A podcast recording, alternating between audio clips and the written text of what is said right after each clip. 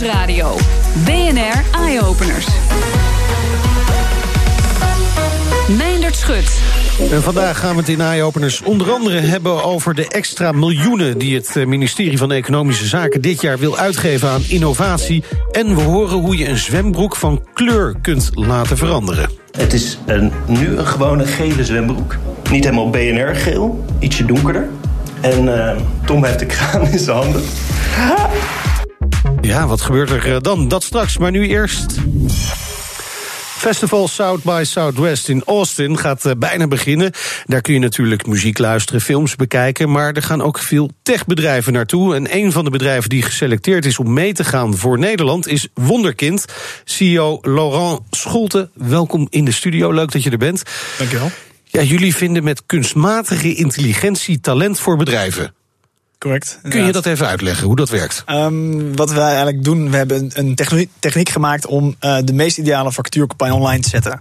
Um, waarbij we gebruik maken van Facebook, Instagram, Google en Google Display. Ja. Uh, waarbij we dus eigenlijk iedereen kunnen bereiken die internet gebruikt.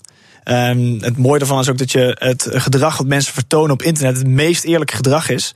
En daar gebaseerd kunnen we dus ook nog eens echt kijken wat echt mensen ook echt interesseert en wat, okay. wat hen echt boeit. Maar ik leer altijd dat mensen op Facebook en op uh, Twitter en andere uh, sociale platformen, Instagram, zich net even iets beter voordoen dan ze in werkelijkheid uh, zijn. Heb je daar geen last van? Dat, nou, dat, dat is de, een, eigenlijk een misvatting daarin.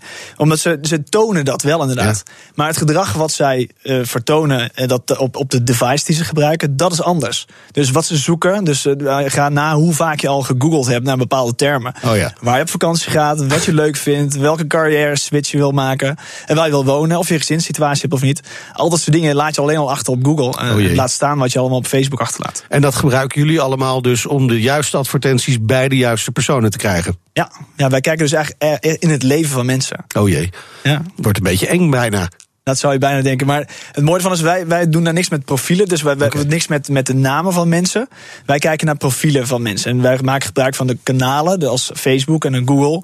Uh, om, om, om te zien welke mensen we dan uh, kunnen targeten, zoals we dat noemen. Oké, okay, dus als ik een fetish voor sigarenbandjes heb, dan, dan weet je mijn profiel dat wel. Maar je kunt mijn naam er niet aan koppelen. Nee, wij niet. Nee. Ja, dat zou je uiteindelijk wel moeten. Aan, als je solliciteert dan bij, bij, uiteindelijk bij het bedrijf. Daar Even moet je, uitleggen. Daar, daar zul je dan zien welke namen erbij horen. Ja, precies. Nou, overigens heb ik dat niet hoor, die sigarettenbandjes. Ik zou niet nee. weten wat je ermee moet. Maar goed, uh, nou zie ik ook wel die advertenties binnenkomen. Met name bijvoorbeeld als op, op een platform. En dat lijkt me ook een hele logische LinkedIn. Ja, ja. Nou, LinkedIn, LinkedIn is natuurlijk een kanaal wat, wat heel erg gericht is op, zo op recruitment, op, op, uh, op carrière en dergelijke. Wij adverteren op, de, op dit moment niet daarop. Uh, maar wij hebben ons echt toegespitst op Facebook en op, op Google. Okay. Uh, en op Instagram. Omdat we daar echt op, op, op speci specialist op willen worden in eerste instantie. en ook het mooie ervan is dat je daar in eerste instantie ook niet echt verwacht. Dus mensen ja. zijn eigenlijk niet per se op zoek naar een baan. Maar wij inspireren ze langzaamaan om, om misschien die ene baan te nemen. Ja. Wij weten bijvoorbeeld wat een mooi, een mooi detail is ook om te vertellen. Is, wij weten bijvoorbeeld dat om drie uur s'nachts verpleegkundigen het meest geneigd zijn om te solliciteren. Drie uur s'nachts. Dus waarom zou je dan spenderen overdag als dat je s'nachts Ah, ja. veel meer rendement eruit kan halen? Ja, ja. Uh, en uh, nou ben ik nog geen vacature tegengekomen op mijn eigen Facebook-account. Betekent dat ik niet interessant ben voor bedrijven? Wellicht, of is mijn profiel gewoon niet zo goed?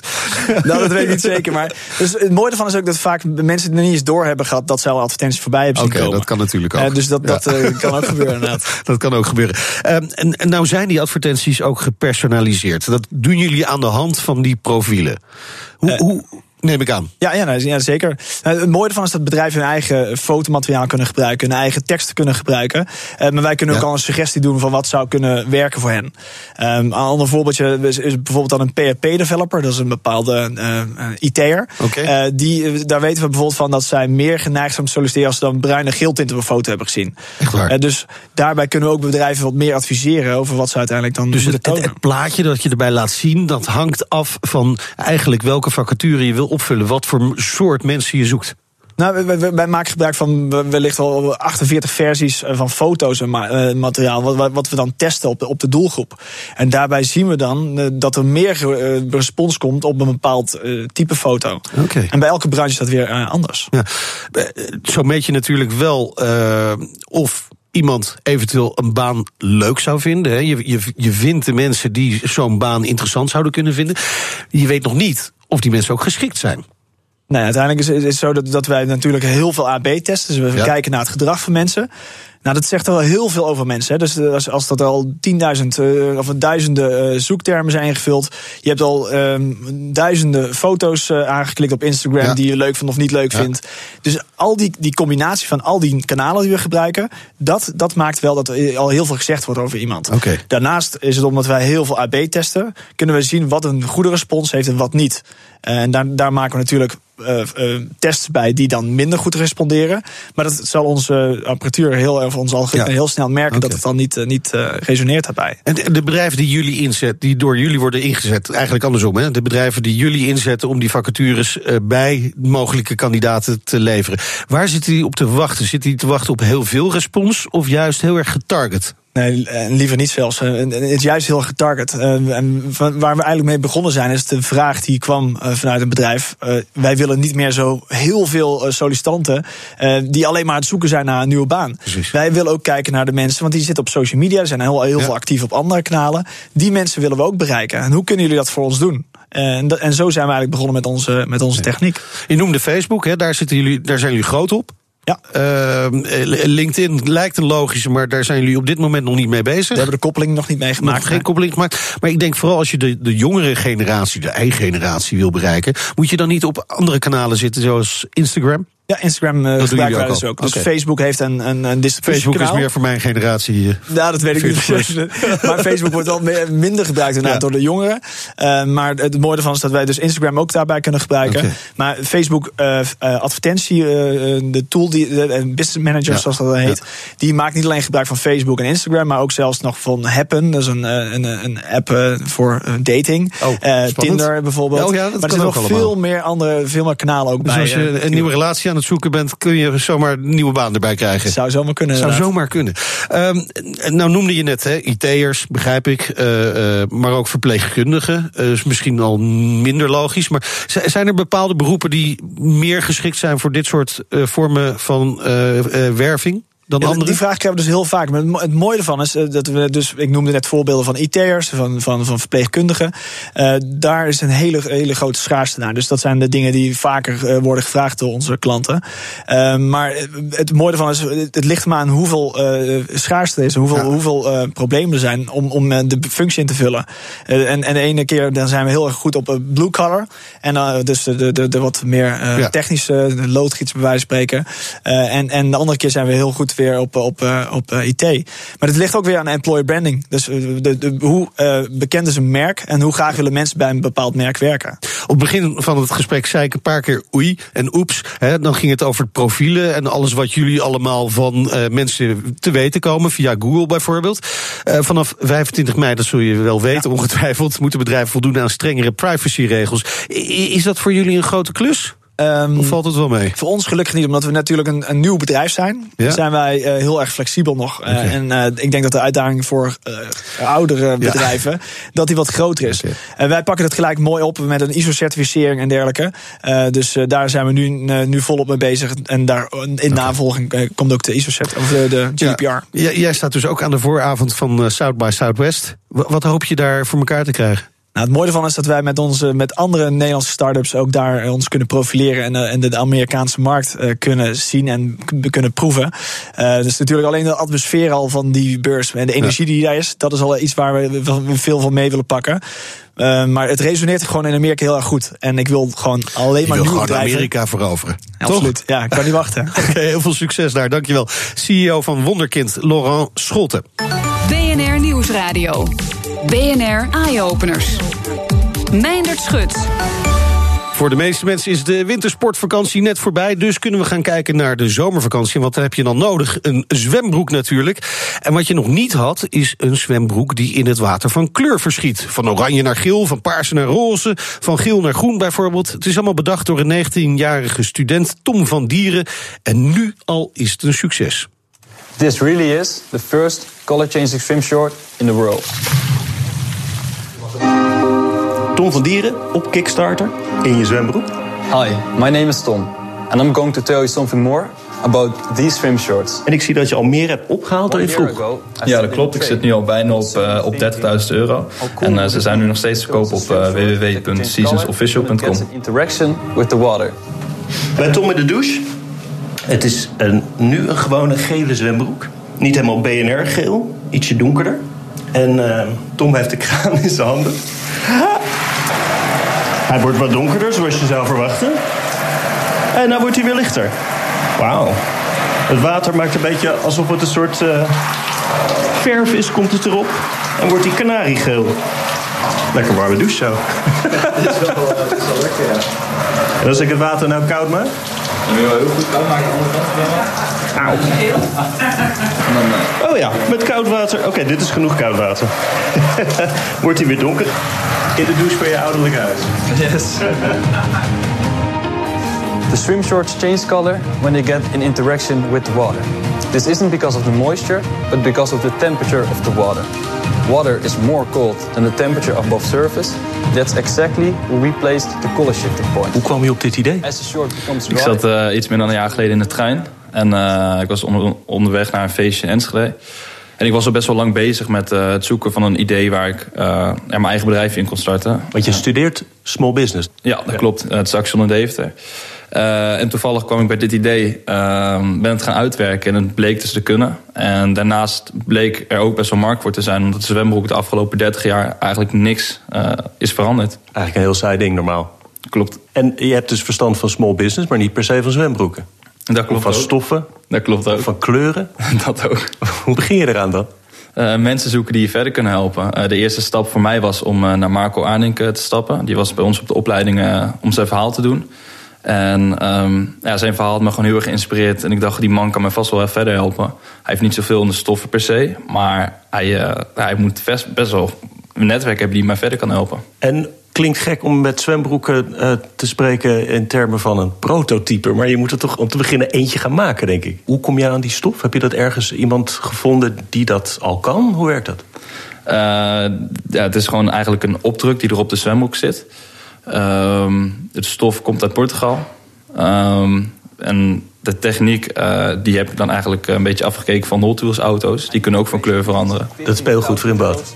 Yes. en eh, dat ben ik dus gaan combineren. En eh, zodoende hebben we deze stoffen. friends and family. And together, we're going to make every summer a little bit better.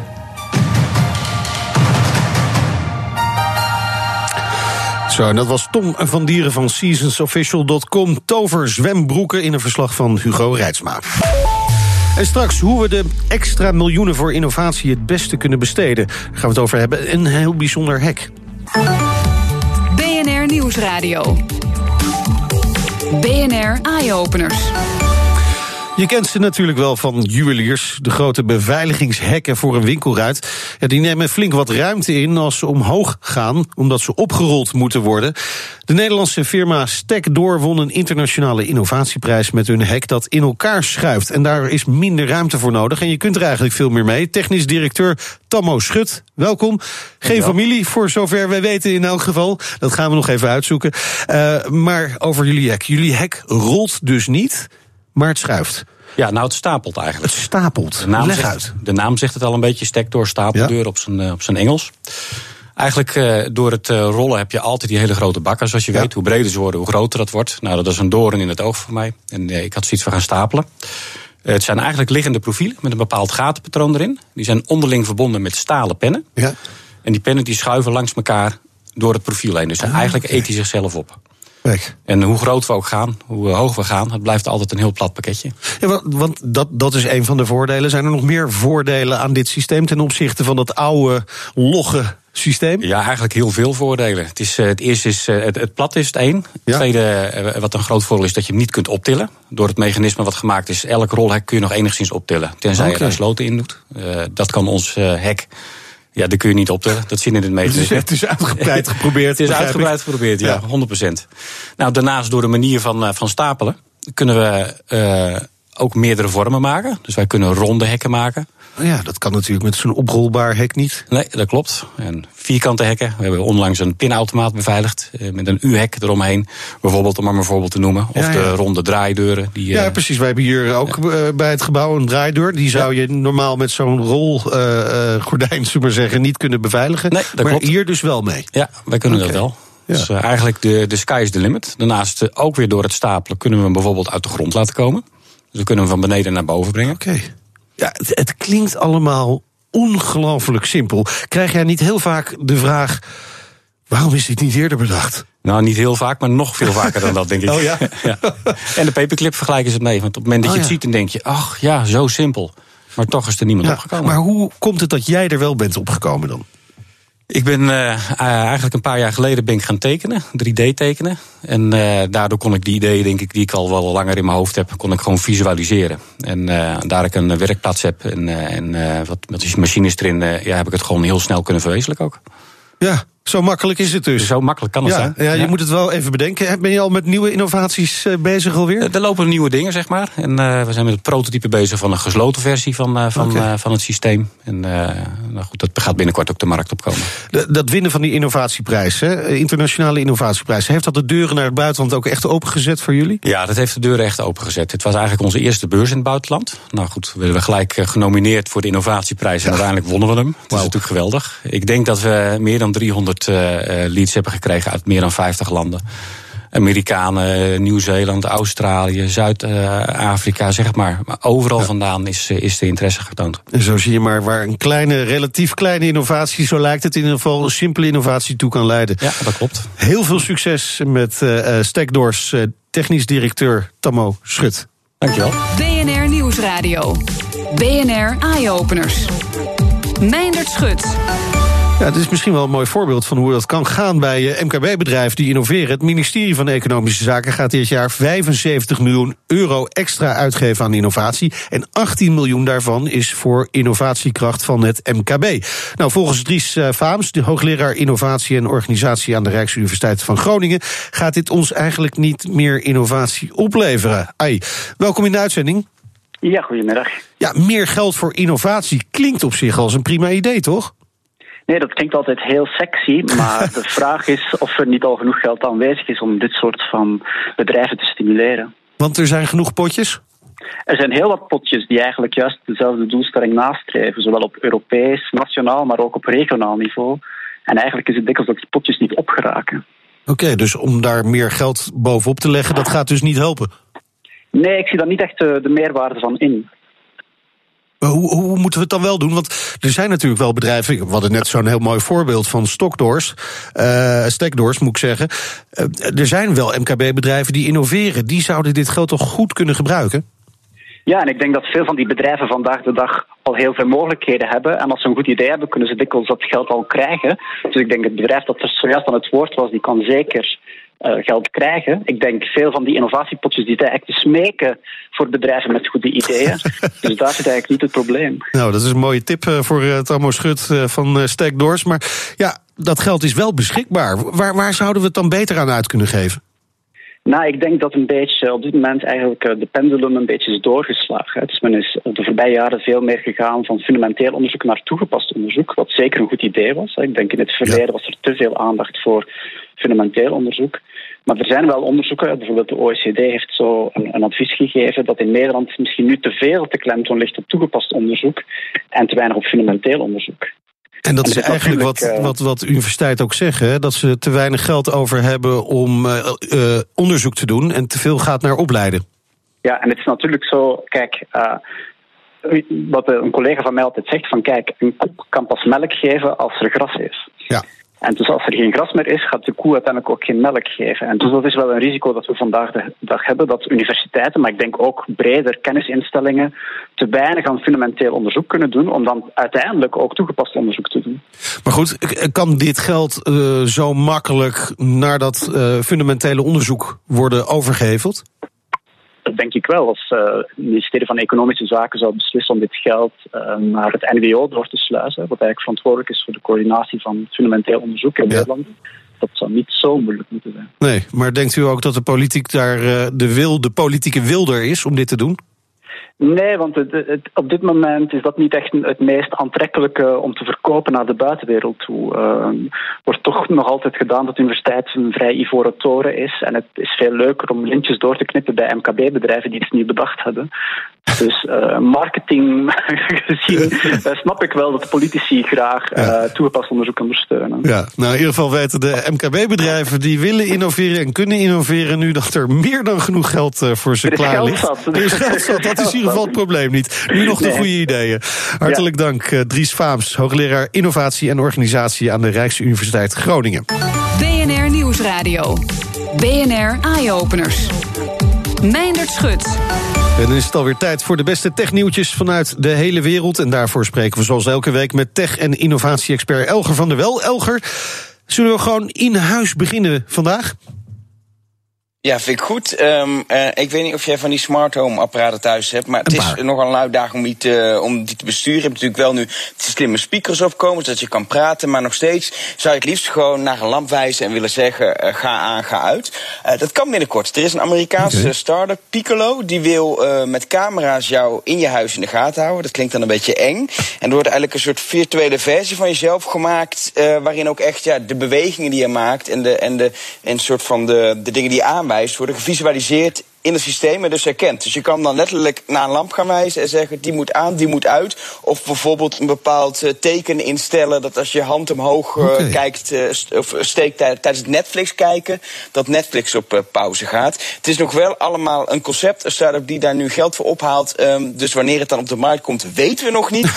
En ik heb ook nog wel wat privacyvragen. Ja. Maar uh, in principe voelt het wel als de oplossing voor een, uh, voor een probleem met smart home ja, ja, ik heb een auto uh, getest die ook zoiets had. Dat werkte nog niet zo goed. Maar goed, hè, het begint ergens, die ontwikkeling. wellicht Precies. is dit heel erg beloftevol. interessant ook dat Amazon een overname heeft gedaan. Juist op dat smart home gebied. Ja, klopt. Ze hebben Ring, uh, maken van slimme deurbellen, overgenomen voor meer dan een miljard dollar. Zo. Dat is best voor een, een zak deurbel. geld. Ja, precies. Nou, het is een slimme deurbel, maar ook een camera erin, zodat je kan zien wie er voor de deur staat, et cetera.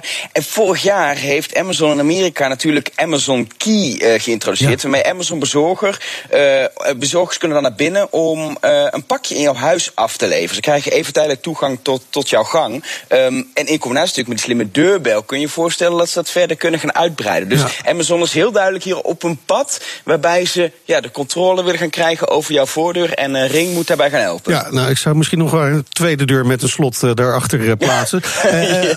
Als Amazon dan naar binnen gaat, laten wij dan lekker naar buiten gaan. Want er zijn weer ontwikkelingen op het gebied van de zelfrijdende auto. Ja, die, die auto's die hebben natuurlijk als belangrijkste ding eigenlijk dat ze, dat ze obstakels moeten herkennen en daarop moeten ja. gaan anticiperen. Er is een nieuw algoritme ontwikkeld door onderzoekers van Stanford. Het is heel interessant, want die kan dingen herkennen die achter muren of om hoeken heen staan. Nee. Het heet non-line of sight imaging. En wat eigenlijk gebeurt is dat weerkaatsing van licht door die objecten wordt herkend met hele precieze lasers enige nadeel is, is dat het een heleboel rekenkracht kost ja, ja. aan algoritmes voor die kunstmatige intelligentie. Waardoor het nogal traag is. Waardoor die pas na een paar minuten door heeft dat er iets om de hoek staat. En dat is een beetje laat. En dan is hij er al voorbij, ja. Maar weet je, dat is, dat is nu. Ze ontwikkelen okay, algoritmes ja. nu, verbeteren het. De, de rekenkracht van die auto's wordt beter, et cetera. Voor de toekomst vind ik het heel spannend. Ja, zeker. Ongetwijfeld. Hey, en, uh, uh, nog iets anders tegengekomen deze week? Uh, nou, we kunnen nog even uh, een duik nemen oh. uh, in de onderwaterdrones. Want in Oslo hebben ze echt een gigantisch probleem. In de fjorden daar, weet je wel, die grote ja. meren. dat er heel veel troep in ligt. een heleboel plastic en zo wat er gedumpt wordt. Wat we natuurlijk wel kennen uit de zee. Maar zelfs hele autovrakken. En zelfs mijnen uit de Tweede Wereldoorlog. het was daar in januari nog zo dat er een, dat er een dolfijn dood is gegaan. Omdat hij allemaal plastic had opgegeten. Het is echt een serieus probleem daar. En met onderwaterdrones kunnen ze nu makkelijk en veilig onder water gaan kijken uh, wat er nou ligt en of het opgeruimd moet worden. En zeker uh, met, die, met, met die eventuele mijn die er liggen, is het natuurlijk niet zo handig om zomaar duikers erin te sturen. Een onderwaterdrone die op, afkant, uh, op afstand kan besturen, is dan een stuk veiliger. Dus het is weer een mooi voorbeeld van hoe die techniek kan worden ingezet. Precies, hoe de innovatie de wereld een stukje mooier maakt. Dankjewel Elger, tot uh, volgende week. En dit was hem ook voor vandaag weer met uh, BNR Eyeopeners. Meer innovaties vind je op bnr.nl slash eyeopeners. Op Twitter vind je ons via BNR Innovatie. En de hele uitzending kun je natuurlijk terugluisteren als podcast... via iTunes en Spotify. En je hoort ons in de toekomst.